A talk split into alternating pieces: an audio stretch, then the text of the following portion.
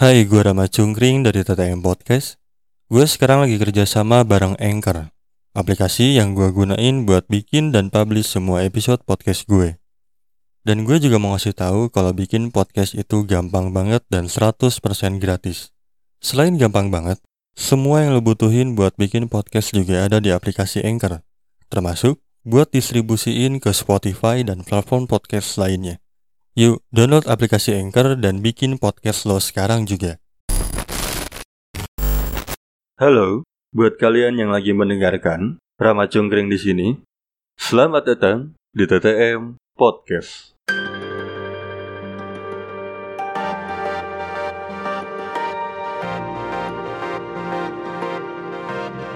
TTM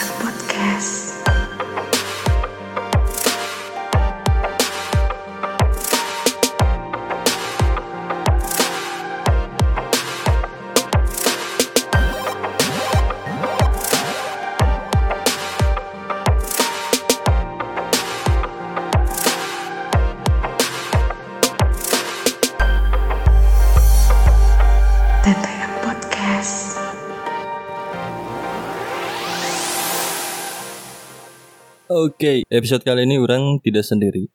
Orang udah ngajak salah satu teman orang yang sebenarnya ini agak konyol sih. Ini tuh ketiga kali ngerekam.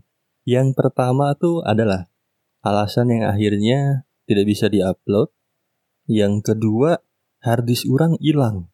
Kocak banget anjir. Udah setengah jalan padahal itu diedit tapi masalahnya harddisknya hilang. Dan akhirnya harus mengulang lagi ini dengan teman orang yang namanya Ruben Mahendra dari Rumah Podcast. Halo Ben. Hai hai hai, halo teman-teman TTM Podcast. Sepertinya saya tidak jauh lebih menyedihkan daripada Anda ya nasibnya. Hah, kenapa emang? Tidak jauh lebih menyedihkan maksudku Anda lebih menyedihkan daripada saya gitu loh. iya, anjir. Aduh, kacau kacau. Jadi teman-teman, ini tuh orang emang udah pernah ngobrol. Jadi orang sedikit tahu cerita beliau ini, terutama tentang relationship-nya. Ada satu kejadian yang sangat kurang tertarik pengen denger lebih lanjut. Jadi Ruben ini kayaknya tidak semulus yang dia harapkan kasus percintaannya ya.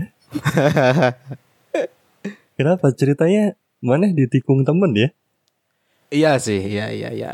Kalau lihat dari case yang itu, jadi buat konteks aja teman-teman. em, aku tuh dulu SMA itu kan jadi apa ya ketua osis gitu. Terus kalau di struktur itu kan ada yang namanya sekretaris bendahara dan lain-lain. Itu sebagai Iya, iya. apa ya ketua sekretaris bendahara itu kan di atas Iya, kan biasanya. Nah, Benar, yang di benar. atas yang di atas itu kan biasanya kegiatannya paling sering ke mana-mana dan Ya, jalannya betul. bareng terus, bareng terus. Nah, selama berselang waktu 1 2 3 tahun selama SMA itu aku deket dengan uh, salah satu temanku di situ yang jabatannya itu di situ gitu.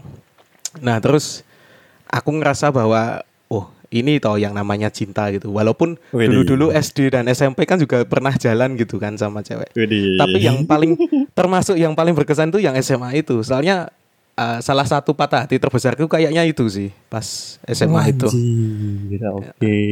Tapi bentar, sebelum lanjut cerita itu, orang jadi pengen tahu pertama kali mana apa ya? Ya ngerasain jatuh cinta itu umur berapa? Kelas berapa? Kalau case-nya ini sama lawan jenis gitu ya jatuh cintanya ya. Ya iyalah, masa sama sesama jenis. Lah kan sekarang katanya liberal kan. Waduh, aku tidak mau membahas ke situ, ngeri. Oke, uh, saya normal santai santai. Nah, kalau aku itu kayaknya ya pertama kali ngerasa deg-degan banget itu SD sih, kelas berapa ya? 4 atau 5. Sekitar 4 Oke. atau 5. Tidak Itu heran, oke. Mm, sama teman kelas sih. Ya itu. Tapi ya cuma mengagumi doang. Soalnya ya apa ya? Tipe-tipe cewek yang populer terus cerewet, kelihatan banget exposure-nya. Tapi ya saya minder gitu. Soalnya dia juga ditaksir oleh banyak cowok yang lain kan. Dan saya kan Tapi mana belum apa-apa dulu. Oke, tapi mana pernah emang ngotot nggak ngejar eh, apa ya gebetan maneh gitu Hmm, di masa-masa itu? Kalau masa itu kalau ngomongin SD ya, kalau SD enggak sih. Soalnya ngerasa bahwa apa ya, yang penting punya temen aja sih bisa nanyain PR, ngerjain matematika itu udah cukup banget menurutku. Apalagi pas dulu aku itu kan orangnya pinter jadi banyak yang nyontek aku pas SD dulu Oke, itu. Oke, siap. Uh, Si jadi Jumawa otomatis ini. uh, uh, jadi otomatis mereka yang nyari saya gitu loh. Aku nggak yang nggak aku yang nggak ke sana. Jadi nggak ngejar-ngejar Iya, iya, banget. baik. Orang tuh nggak heran kalau Hmm. Maneh bilang pertama kali jatuh cinta kelas 4 SD.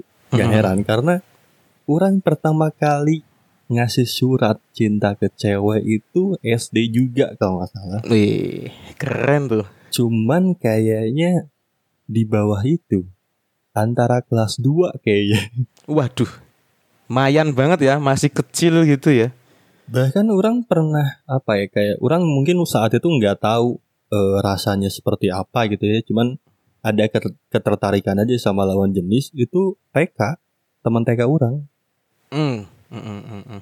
dan ya orang pernah ngotot lah sampai ada satu cewek yang orang ngejarnya tuh selama bertahun-tahun tapi tetap ditolak juga Yang TK itu bertahun-tahun ngejarnya? bukan beda lagi beda lagi kalau itu jelas sempet balik lagi ke dia ngejar dia waktu SMP tapi ya tetap ditolak gitu Oh SMP balik lagi ketemu ya temen TK Eh. itu. Oh, karena emang emang sampai SMP apa ya circle-nya itu itu aja Wah, tapi udah puber tuh temen puber. Dulunya jelek ya, Iya. lumayan lah SMP biasanya udah berubah dikit gitu kan.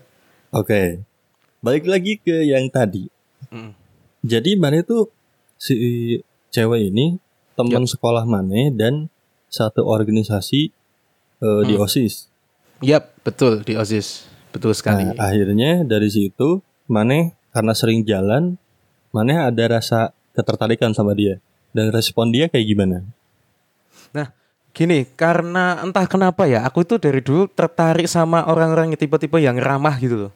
Ramah, terus eh, cewek yang rock and roll gitu. Biasanya sangat menarik menurutku. Sa- soalnya menantang Mas Rama. Bisa nggak sih jadi orang spesial di antara beribu orang di sana yang sama-sama ngerasa bahwa oh ini kayaknya ada rasa sama aku. Kan yang ngerasain kayak gitu nggak cuma aku kan kalau sama cewek friendly biasanya. ya, ya, benar. Nah benar, itu. Tapi ada titik-titik krusial di mana beberapa keputusannya dia itu ternyata kalau aku pikir lagi untuk sekarang adalah itu advice dari aku mas. Beberapa keputusannya itu. Nah, termasuk. maksudnya? Gini kan kita sering diskusi gitu berdua entah se- uh, sehabis sekolah atau sehabis ada rapat osis dan lain-lain Iya. kita iya. tuh sering gitu berduaan di bangku gitu terus sambil memandang lapangan di sekolah sebelah Widih, kan cuma oke. cuma deket gitu kan. Nah, sempet Oke. sih beberapa kali kepergok sama apa itu satpam sama penjaga sekolah gitu. Tapi ya aku kan bilangnya ya ini cuma ngobrol gitu kan. Tapi beberapa keputusannya salah satunya kan termasuk dia sekarang kuliah apa, terus eh, kerjaannya apa, itu sebenarnya udah aku obrolin dulu pas awal-awal dulu. Dan ternyata dia masuknya itu ke situ sekarang. Memang emang Oh, bener. Jadi, jadi kayak dia eh, apa ya lagi ngobrolin tentang masa depan eh, pendidikannya dia, kayak Yap. minta saran ke Maneh gitu ya. Mm-mm. Terus Maneh ngasih saran ABC gitu ya. Terus dia Ya. ngambil itu sekarang. Eh, eh. Panjang Soalnya kan dong. Soalnya kan banyak banyak keputusan itu apa ya kalau nggak kita sharingkan ke orang kita nggak dapat persep apa persepsi perspektif dari orang lain pun kayaknya berat gitu kan. Apalagi pas SMA mau keluar itu kan biasanya bingung banget. Kita oh temen ada yang ke mana ada yang ke mana. Loh aku kok gini gini aja. Ah, rasa gini gini aja. Itu biasanya kan butuh validasi mas. Nah di situ kayaknya pas detik itu aku mungkin cukup dewasa ya pada saat itu ya. Jadi dia men- minta beberapa uh, advice dan sebenarnya dia agak belok pernah belok sedikit uh, beda gitu bidangnya gitu. Ya Oke, ha. tapi tertolak nggak masuk dan dia sempat cerita juga dulu. Dan tetap masuknya yang itu yang awal pas aku advice tadi. Wah ini goals kan kan berarti. Tapi Maneh tahu nggak kenapa saran Maneh itu apa ya presentasi untuk diambilnya cukup besar? Alasannya kenapa? Tahu nggak? ah gini langsung kontekstual aja ya. Jadi gini jadi seorang cewek ini tuh sebenarnya dia orangnya tinggi dan uh, bidangnya itu pingin ke ah duh ini ngomongin profesi sih tapi nggak nggak kita nggak bisa mengeneralisir dalam arti ini semua orang seperti ini atau lain-lain gitu ya Iya, iya, iya. iya. Soalnya eh, tadi kan Mas Rama juga sempat ngomongin tentang bridging tadi sebenarnya nyambung-nyambung aja karena eh, orang ini tuh kan pengen secara profesi itu pengen jadi abdi negara awalnya. Oh, Terus oke. dia tinggi juga. Nah, pas masuk seleksi dan lain-lain kan aku sempat ngomong kalau kayaknya kamu nggak eh, nggak pantas ke situ. Mungkin ini gara-gara eh, perspektifku karena aku punya apa ya pandangan kalau di situ itu kayaknya nggak bakal jalan deh orang ini gitu kan. Oh, Nah, ah, tapi dia tetap maksain ke situ walaupun aku udah advice ya daripada ke situ kan aku lihat-lihat nilainya nilainya itu yang masuk uh, seperti sosiologi terus ada keluarga negaraan ke situ kan arahnya kenapa nggak ngambil hukum aja gitu loh nah ternyata jadinya dia ngambil hukum dan masuk dan setelah itu dia juga kerjaannya di hukum sekarang begitu mas Rama Oh, iya, iya, iya, iya, baik, baik, baik, baik. Terus itu pertemanan Maneh kan Maneh nggak langsung mengungkapkan apa yang rasain kan pada saat itu. iya iya iya iya Pertemanan Maneh berlangsung berapa lama sampai akhirnya Maneh pertama kali ngomong ke dia kalau Maneh ada rasa sama dia. Hmm. Kalau aku pertama tahu anak ini itu sebenarnya dia itu adalah mantan pacar temen aku SMP sekelas. Oke, oke, ini SMA Eh. karena kejadiannya ya. Oke. Heeh. SMP SMA kita satu sekolah mas. Tapi yang SMP Oke. gara-gara kegiatannya nggak sama, kita nggak nggak pernah tuh ketemu gitu, cuma tahu doang. Soalnya Iya. kebetulan juga cowok ini yang satu kelas sama aku ini itu kan eh, kita deket tanggal lahirnya, terus eh, kita kampungnya juga deket ini, jadi ada komunikasi gitu loh. Cuma ngomongin doang, tapi nggak tahu anak ini siapa gitu. Terus heeh. baru kenalnya gara-gara SMA itu, terus nyeritain-nyeritain tentang orang ini. Nah, nyambungnya dari situ tuh benang merahnya. Berapa lama tuh Maneh temenan sama dia sampai akhirnya ngomong? Kalau bener-bener kenal kan kelas 1 Kelas 1 terus kelas 2 kelas 3 ya tiga tahunan lah tiga tahunan dan cukup deket menurutku Jadi selama tiga tahun itu Maneh eh, apa ya sering ngobrol, sering komunikasi sering banget sampai akhirnya Maneh berani lah untuk ngomong ya sama dia. ya beraninya pun gara-gara ibaratnya uh, lu punya kuota kuota lu mau habis kan ya udah ha- habisin aja gitu daripada nggak ngomong kan Iya, karena udah mau lulus ya. Jadi iya aduh daripada dia nggak tahu sama sekali, seenggaknya minimal dia tahu lah ya. Iya ya dan saya pun kan sadar diri gitu pas posisi itu lihat kondisi pun aku udah tahu kalau pas saat itu kayaknya bakal ditolak juga tapi ya daripada nggak lega gitu kan soalnya waduh kebelet buat nembak itu nggak enak banget cuy mendingan kebelet buat pipis daripada kebelet nembak yang penting Iya, ngomong iya, gitu iya. loh Iya benar benar benar. Mm-mm. Nah pas Maneh ngomong pertama kali jawaban dia responnya apa?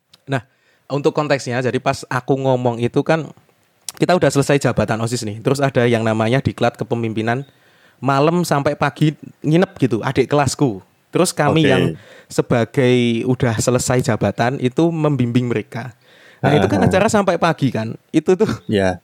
acara itu tuh jam 3 pagi mas aku masih ingat banget jadi jam 3 pagi aku ngomong sama dia tak suruh ngobrol gitu cari tempat. Kan orang rame tuh di situ. Nah aku nyarinya di tengah lapangan upacara gitu di tiang bendera gitu gitu ya. Kita duduk gitu berdua terus aku ngomong dan lain-lain. Apa aja yang udah kita lalui aku ngerasain gini kamu ngerasain gimana. Terus aku bilang gitu ya ya aku pun juga ngomong kalau kamu nolak gitu aduh si pesimis tuh. Kalau kamu nolak juga nggak apa-apa gitu. Yang penting aku udah ngomong gitu. Dan dia pun dibilang terima kasih sih pada saat itu terima kasih udah bilang gitu ya walaupun nggak bisa Ya. jauh lebih jauh emang nggak bisa Ya, ya, ya. Alasan detailnya mana tahu nggak kenapa dia memutuskan untuk tidak menerima? banyak hal sih mas menurutku mas soalnya aku nggak tahu di balik faktor ini yang mungkin akan kita ngomongin setelah ini ya Um, dan spoilernya kan mas Rama udah tahu kan kemarin aku sempat cerita jadi pas uh, saat itu kan kayaknya dia juga udah mi- mikir sebagai karir dan lain-lain gitu loh. Berumah tangganya seperti apa. Apalagi dia kan juga punya figur kakak yang yang uh, juga apa ya udah udah nikah gitu kan. Terus lihat masa depan itu udah ada gambaran yang bagus banget tuh di situ. Uh, detail gitu loh. Ada ada figurnya soalnya. Nah di situ aku sama dia keluarganya dia itu backgroundnya totally different mas jadi kalau dia itu Oke. lebih ke hal-hal yang formal gitu kan hal yang Ah. formal yang kedinasan dan lain-lain Sedangkan aku lebih ke arah art, seni, creator gitu keluargaku itu. Oke. Ada yang dagang juga, lebih ke situ. Jadi kayaknya dia bakal mikir, kayaknya nggak bakal bisa stabil deh kalau sama orang ini gitu. Anjing judgement. Oh, Kalau emang bener ya, maksudnya Sepertinya. eh, orang tidak tidak menyebut dia judgement, tapi kalau ada orang yang seperti itu, apa ya? Menurut orang di dunia ini nggak ada yang pasti karena nggak ada. eh, satu-satunya yang pasti itu adalah ketidakpastian. Jadi ketika ada orang yang menjudge sebuah profesi, jadi kayak apa ya? Dia tuh kayak Tuhan yang mendahului eh, takdir orang gitu karena dia kan nggak Iya. tahu ya sebenarnya Yap. hidup dia selanjutnya akan seperti apa kalau sama si A atau sama si B gitu. Ya, ya, ya, ya. Ya soalnya sepasti-pastinya lu punya pensiunan, lu kan juga bisa meninggal sewaktu-waktu entah kapan kan orang itu betul. nggak ada yang tahu tiba-tiba bangkrut atau ngapain punya utang gede juga nggak tahu kan kita. Iya sebagai dan, manusia. dan kalau apa ya kayak profesi PNS dan lain-lain juga em, belakangan ini banyak yang agak meragukan kejujurannya. Iya, akhir-akhir ini sih dulu masih keren anggapan-anggapan itu. Tapi sekarang Iya, iya, ya nggak ada sih anak kecil ditanyain mau apa gedenya mau jadi guru pun nggak ada sekarang maunya jadi youtuber. ya benar-benar. Nah, setelah itu ketika maneh lulus eh, SMA, Mm-mm. pernah ketemu lagi nggak? Hmm. Ketemunya itu sebenarnya kan kita selama waktu itu aku dan dia itu seperti apa ya Mas, mendamaikan diri gitu loh. Jadi walau dan gini, secara timeline itu sebenarnya gini, itu belum ketemu dan dan ironinya adalah uh, yang sekarang sama dia itu kan uh, si cowok ini kan yang Teman jadi mana? pacarnya, ya jadi pacarnya. Nah, itu termasuk teman deket aku yang cowok itu sebenarnya dulu itu. Gitu Oke. uniknya kan gitu kan eh, secara timelinenya dan Ya, ya. dan yang uniknya lagi yang cowok ini itu sebagai abdi negara sekarang jadi setelah lulus jadi abdi negara tapi sebelum Oke. itu aku kan udah ngerasain dunia kerja itu bahkan mulai setelah lulus SMP apa ya mas udah ke acara mana ke acara itu gitu bahkan aku SMA udah ngerokok pun orang ini tuh mintanya ke aku dulu itu tapi keadaan ya, mungkin ya. berbalik ya ketika udah selesai gitu Ya, ketika seseorang punya jabatan akan lebih dilirik sih sebenarnya kalau sekarang-sekarang. Iya, ya. Tapi gini, aku sama dia itu udah berdamai sih, Mas. Ada komunikasi lagi gitu loh. Dan kita udah bisa berteman. Udah enak Well, sih alurnya. Ya, ada yang menarik ketika eh, orang yang maneh, yang maneh suka dari lama dan Hmm. akhirnya tahu maneh ketika dia ini ternyata sama teman dekat maneh waktu SMA. Mm-mm. Apa yang maneh pikirin saat itu dan apa yang maneh rasain? Oke. Jadi ini momentumnya kayaknya pas liburan kuliah semester-semester awal sih kayaknya ini. Jadi aku kan juga udah jalan sama yang lain gitu kan. Udah ya udah aku lupain gitu walaupun ngelupain tuh susah bener ya ketika kamu lagi ngedate sama cewek lain pun yang kepampang mukanya di depan lu itu mukanya dia mulu gitu ya. Betul. Nah betul. itu bayang-bayang masih ada soalnya kan unfinished business. Tapi gini ya, eh, pas itu momentumnya pas liburan, terus aku di rumah. Nah tiba-tiba ada telepon tuh sama yang si cowok itu telepon aku di eh, pas pagi-pagi gitu. Ini kan udah jarang komunikasi ya kita semua itu. Nah tiba-tiba dia telepon, dia cuma bilang gini, Ben, aku minta lampu hijaunya boleh nggak gitu. Wah, apaan nih gitu ya? Oh, Pagi-pagi tiba-tiba oke. bilang gitu. Ya bagus sih, secara Oke. concern bagus keren dia sadar juga dan Ha-ha. mungkin nggak enak kan. Nah tapi pas saat itu aku mikirnya juga gini, aku kan menghitung probabilitas eh, probabilitasnya ya ini bisa jalan atau enggak sama aku gitu. Ya nggak mungkin di bawah jauh dari 50% aku bisa jalan sama itu orang. Ya udah aku kasih aja. Lebih masuk Oke, akal. oke. Oke, ini menarik. Jadi si cowok ini sebenarnya tahu kalau emang dari zaman SMA tuh mana suka sama dia gitu ya, sama si ceweknya. Ya tahu banget Mas orang cowok ini tuh juga sahabat aku kok.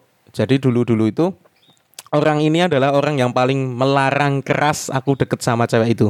Tai anjing. Ya itu sih twistnya kayaknya di situ. Mungkin mungkin aja aku mungkin mungkin saking bodohnya aku pada saat itu ya. Orang ini tuh sebenarnya emang udah rasa dari dulu, udah ada rasa daripada bersaing gitu kan ya dia bilang Ya, ya, advice ya. advice ke aku nggak usah sama orang ini dia orangnya terlalu tinggi eh, secara selera orangnya pinter dan lain-lain apa kamu nggak minder dan lain-lain lah aku itu di itu ibaratnya itu kalau kamu punya rumput tetangga rumput tetangga kamu itu dirusak terus gitu mas daripada Anjing. kamu nyuburin tanaman punyamu Persaingannya nggak fair anjing.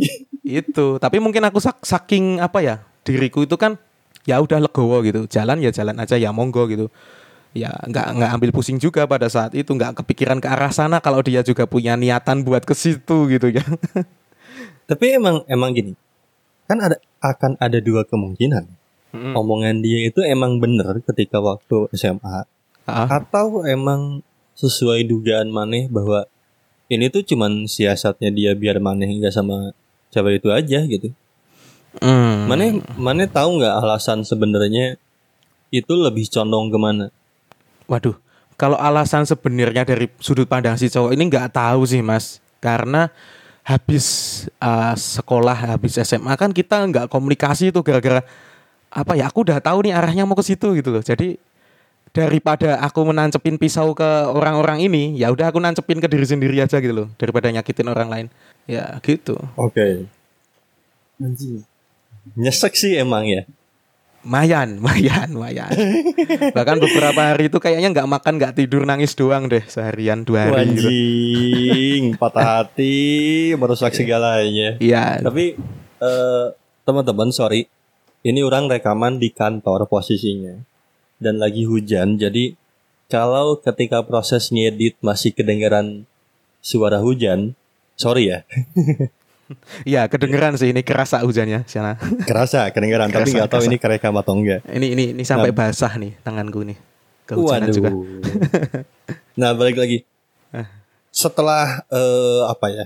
Setelah si cowok ini akhirnya ngomong minta lampu hijau dari Mhm. mana?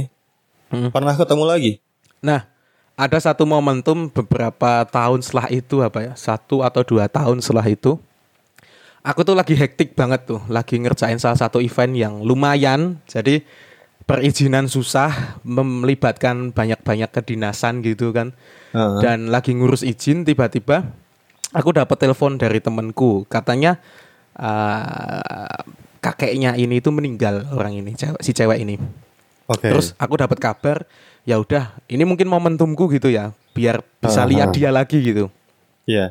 terus aku datang ke rumahnya gitu lagi hektik nyari izin terus cabut uh, buat ngeluangin waktu ke sana terus melayat ya aku li- lihat sih kalau melayat kan biasanya kalau takziah kan cowok sama cewek disendirikan tuh uh, tempatnya gitu aku lihat dari kejauhan tuh mas jadi pas datang aku salaman da- sama ibunya. Ibunya masih inget sama aku soalnya dulu sering main ke sana juga. Terus ya aku lihat dari kejauhan dia bawa anak kecil gitu. Terus itu aku tahu banget itu ponakannya itu anaknya dari kakaknya dia. Dan Oke. aku cuma bisa mandang gitu loh dari kejauhan. Nah setelah itu aku memutuskan buat pulang. Karena udah selesai kan gitu walaupun setelah itu eh, aku ing- lupa sih habis itu aku pamitan sama dia atau enggak. Kayaknya enggak deh enggak ketemu gitu. Terus pulang nah momentumnya kalau konteksnya aku bertemu sama cowoknya ini jadi pas itu kan aku mikirnya biasanya kalau orang spesial kan ada di situ kalau ada duka dan lain-lain. Itu kok nggak ada gitu. Nah ternyata si cowoknya ini ada di tempat parkir. Gitu. Oh oke. jadi aku bertiga nih sama temenku. Jadi ini kebetulan temenku SMA juga bertiga ini. Pas itu aku lihat si cowoknya dari kejauhan. Ya dengan penuh keraguan-raguan gitu ya kayaknya. Dia datang terus mau nyapa juga kayak ragu, mau salaman juga ragu. Ya udah aku ah, salaman aja gitu. Tapi pada saat itu aku tuh nggak bisa berkata-kata dan lebih tepatnya kayaknya memilih buat tidak berkata-kata. Soalnya ini kan semacam kayak musuh bebuyutanku kan yang Iya iya iya. dulunya iya, iya. paling keras melarang aku buat berhubungan tapi sekarang malah dia yang berhubungan sama dia. Nah, sama Iya. orang itu. Nah, aku cuma salaman terus kayaknya baru pertama kali ini. Aku tuh baru pertama kali ada momentum momentum di mana itu, itu tuh rame banget dan ngerasa bahwa ketika ada suatu api jadilah air gitu kan. Aku tuh cuma refleks mas, jadi aku salaman sama dia, terus tiba-tiba tiba-tiba dia aku peluk, gitu doang.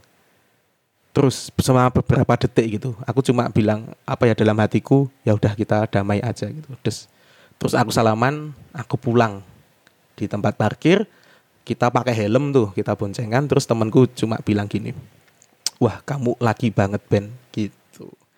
Ya udah Ya, bisa ya. berdamai. itu apa ya jarang ada orang yang sesiap itu gitu. Karena orang juga beberapa kali pernah datang ke nikahan mantan. Tapi kan keadaannya orang eh, beberapa kali emang udah sama yang lain atau emang buat orang itu udah selesai. Jadi nggak masalah sih ketika datang tuh. Hmm. tapi apa ya yang orang lihat tuh emang maneh sudah mempersiapkan itu kenapa? Karena emang maneh tahu bahwa ya udah emang cewek ini nggak akan bisa sama orang gitu iya betul betul betul alasan itu yang bikin maneh ya udahlah siap-siap aja gitu maksudnya Hmm. eh, mentalnya disiapkan dia mau sama siapa pun iya iya iya iya anjing salut aing salut salut ngeri ngeri ngeri, ngeri. Tapi prosesnya itu panjang banget Mas Rama di line itu di balik layarnya itu panjang banget sebenarnya. Gak sesingkat itu. Ya ya, maksudnya eh, jarang sih ada orang yang bahkan sudah melewati eh, waktu yang cukup lama. Kalau emang masih ada rasa tuh agak jarang. Mm-mm. Segelintir orang lah yang menyiapkan mentalnya sebesar itu gitu. Iya iya iya. Nggak semua orang siap. Bener bener. Orang juga mengakui bahwa orang bukan termasuk orang yang kayak gitu karena orang Pisces jelas ya. Melankolis Bawa-bawa- Pisces Bawa-bawa orang zodiak. Eh, enggak maksudnya orang yang eh, manusia yang cukup baperan jadi ketika ada teman sendiri yang nikung tuh udah pasti emosi tingkat tinggi tuh Ah. jelas Eh apa zodiak itu tabung ngaruh ya? udah siap meledak Apa ngaruh ya zodiaknya? katanya Saya gini, saya gini. ngaruh. Aku, aku kan punya prinsip daripada kita jadi api kita jadilah air gitu kan. Nah aku itu Aquarius. Ngaruh tahu. sih? Ngaruh nggak sih kayak gitu? katanya sih beberapa persen sih apa ya ada orang yang percaya gitu Eh iya iya iya iya. Kalau orang sih apa ya? Percaya banget enggak, enggak percaya banget juga enggak. Jadi kalau orang sih di tengah-tengah. Oh, Tapi iya, iya. maksudnya banyak yang bilang Mm-mm. Pisces itu seperti itu orangnya gitu. Dan Ya. orang juga menyadari bahwa orang apalagi menyangkut temen Hmm. kalau dia nikung udah pasti emosi karena orang adalah orang yang ketika nggak suka sama orang itu pasti kelihatan Oh, menarik itu mas. Jadi gini, tipe-tipe orang kan beda-beda ya, meledaknya kapan dan Heeh. uh, menyalurkannya ke mana. Nah gini, biasanya aku tuh kalau sama orang lain itu lembut mas, tapi kalau sama diri sendiri keras banget. Jadi pas lagi sendiri tuh biasanya rawan banget. Pas mau tidur, pas ngapain, pas lagi sendiri itu kan sering apa kontemplasi diri gitu kan. Ya Ya, aku ya, ya. dalam artian sering memukul diriku sendiri, tapi nggak memukul ke orang lain. Ya itu sih ada baiknya ada buruknya. Eh, orang kayak gitu maksudnya anjing apalagi temen deket ya Mm-mm. ketika maneh tahu gitu kalau Ya. orang suka sama cewek ini Mm. terus maneh eh, membuat sebuah apa ya skenario "Ya udahlah nggak usah sama dia tiba-tiba eh, entah kapan dia sendiri jalan gitu sama cewek ini kurang sih akan cukup emosi ya Iya. minimalnya kurang kayaknya tidak akan menyapa dia Oh, ya itu itu iya, aku gitu. Wong, ah, kan orang pas saat itu apa ya? Sosmed kita saling blok-blokan. WhatsApp saling nggak kontak-kontakan. Udah aku delete juga nomornya. Tapi gini, yang menarik itu sebelum proses menuju, ibaratnya kalau itu diibaratkan finish line. Jadi pas proses dari start sampai uh, di garis tengah sebelum finish itu, itu kan sebenarnya si si ceweknya pun udah mau berdamai ke aku gitu loh mas. Dia yang menghubungin aku. Ha. Dia tiba-tiba ya modusnya lah cewek biasanya gengsi. Cuma tanya di WA gitu, terus lu aku kok sekarang nggak lihat status kamu eh. Eh, gimana dan lain-lain. Kan ya emang lu gua hapus nomornya Hapus, kenapa lu tanya-tanya nggak lihat status lu gitu. Nah itu terus ya udah deh Bodoh, habis itu bodoh. ya habis itu aku save gitu kan. Ya udah. Eh tapi sialnya tahu nggak pas pertama kali aku save itu kan malam. Terus paginya itu dia bikin status lagi jalan sama cowok itu si anjing, si Anjing, anjing, bumerang, ngapain bumerang. sih gitu kan? Tapi nggak apa-apa, ya, ya cuma Kayak, ngerasa kayak yang sengaja ya. Ah, kayak sengaja banget nyari momentum gitu loh. Maksudnya apa ini gitu? Tapi orang sepanjang tadi mendengar cerita mana ya, termasuk yang out of the record, Yap. orang kayaknya bisa menebak sepanjang umur mana eh, apa ya kisah asmaranya tidak begitu mulus ya. Sebenarnya sangat tidak mulus sih. Di tengah eh, apa ya? Secara pergaulan kan aku social life banget kan. Temen banyak. Tapi aku itu tetap ngerasa ada kekosongan gitu loh Mas Rama. Sebenarnya siapa sih yang tepat gitu? Nggak tahu sampai sekarang aku tuh. Nggak tahu Mana yang tepat berapa sih? Aku 24. Ah masih jauh lah. Ja, jauh lah, aku Masih belum ke- belum kepikiran ke arah nikah dan lain-lain sih sampai sekarang aku. Masih jauh. Mm-mm. Tapi emang mana udah apa ya kayak eh, ada rasa kebutuhan itu ya. Yang mana? Kebutuhan yang Bukan mana? untuk menikahnya tapi tentang pasangannya. Oh iya, yang jelas apa ya kayak ngobrol tentang sehari-hari terus ngapain itu kan biasanya kita butuh pandangan lain tuh. Dan paling tepat kan kalau secara umumnya orang itu kan sharingnya ke pasangan ya. Ya, ya. itu. Tapi kadang energi itu bisa ditumpahkan yang ke yang lain sih, nggak harus ke pasangan juga ternyata. Iya, tapi kan rasanya beda, Ben. Beda, beda, beda, beda. Beda. Ya, maksudnya ya menarik ketika eh emang pada umumnya sih di umur-umur mana kebutuhan itu udah mulai ada. Mm-mm, pasti itu. Iya, orang juga sama di umur-umur itu ketika orang udah mulai tuh kayaknya udah harus mengakhiri petualangan nih gitu. Mm-mm. Harus mulai serius. Di umur-umur itu juga orang udah mulai mikir untuk menikah. Ya bagus. Stepnya beda kalau orang udah udah mikirnya nikah karena kalau sekedar pasangan sih orang memulainya sudah cukup lama ya. iya, iya, iya. Bahkan itu ya percaya pada second chance kan. Ya, iyalah, iyalah. you know. Menarik, menarik. Tapi eh apa ya kayak ke depannya Yap. kalau misalkan kejadian kedua kali, Hmm. emang mana sesiap kayak kemarin? Ah sebenarnya gini sih. Ah, sebelum ini belum lama ini beberapa bulan ini aku sempet ngalamin hal hampir sama gitu. Tapi karena mungkin antisipasiku lebih tinggi kan sekarang. Soalnya dari yang kemarin tuh kan udah bener-bener mukul tuh. Ibaratnya mukul di depan muka pun kita dipukulnya udah pakai panci gitu kan. Itu kan keras Iya, banget. iya. Ah, panci eh, panci PUBG tau gak yang tang gitu. ah, nah gitu. Yang aku rasain kan gitu dulu. Nah yang belum lama ini ya ya lumayan sih lumayan sakit, tapi recovery-nya cukup cepat. Mungkin karena gara-gara udah ada pengalaman yang sebelum ini kan, gitu. Jadi ya hampir sama mas, serius mas. Kalau aku ceritain panjang ini ceritanya dan so far udah Oke. sih, udah enak. Terlepas dari itu, kalau memang memang nanti kejadian lagi, mana akan tetap sesiap itu? Ah, tergantung kondisinya sih. iya sih. Soalnya itu apa ya yang namanya traumatik itu sembuhnya kapan tuh nggak tahu kayaknya nggak bakal sembuh juga kan. Cuma Iya, dosisnya kadang naik kadang turun. Karena kalau terjadi beberapa kali akan kesal sendiri juga sih. Kesel banget. Ya ampun gitu. Orang nggak yakin ketika itu kejadian ketiga kali ke mana, mana akan tetap setenang ini. Tapi sekarang lebih tenang sih daripada dulu. So far everything is good. Masih di bawah kendali. ya, ya. Oke, thank you Ben udah mau mampir ke TTM Podcast dan cukup diulik kisah percintaan ya. Ya, sama-sama Mas Rama sudah mengundang saya di podcast Anda yang sangat gelap ini. Udah mah background ininya gelap ya Iya. di logonya. Heeh. Nah, beginilah. Namanya juga TTM Podcast. TTM itu apa sih kepanjangannya?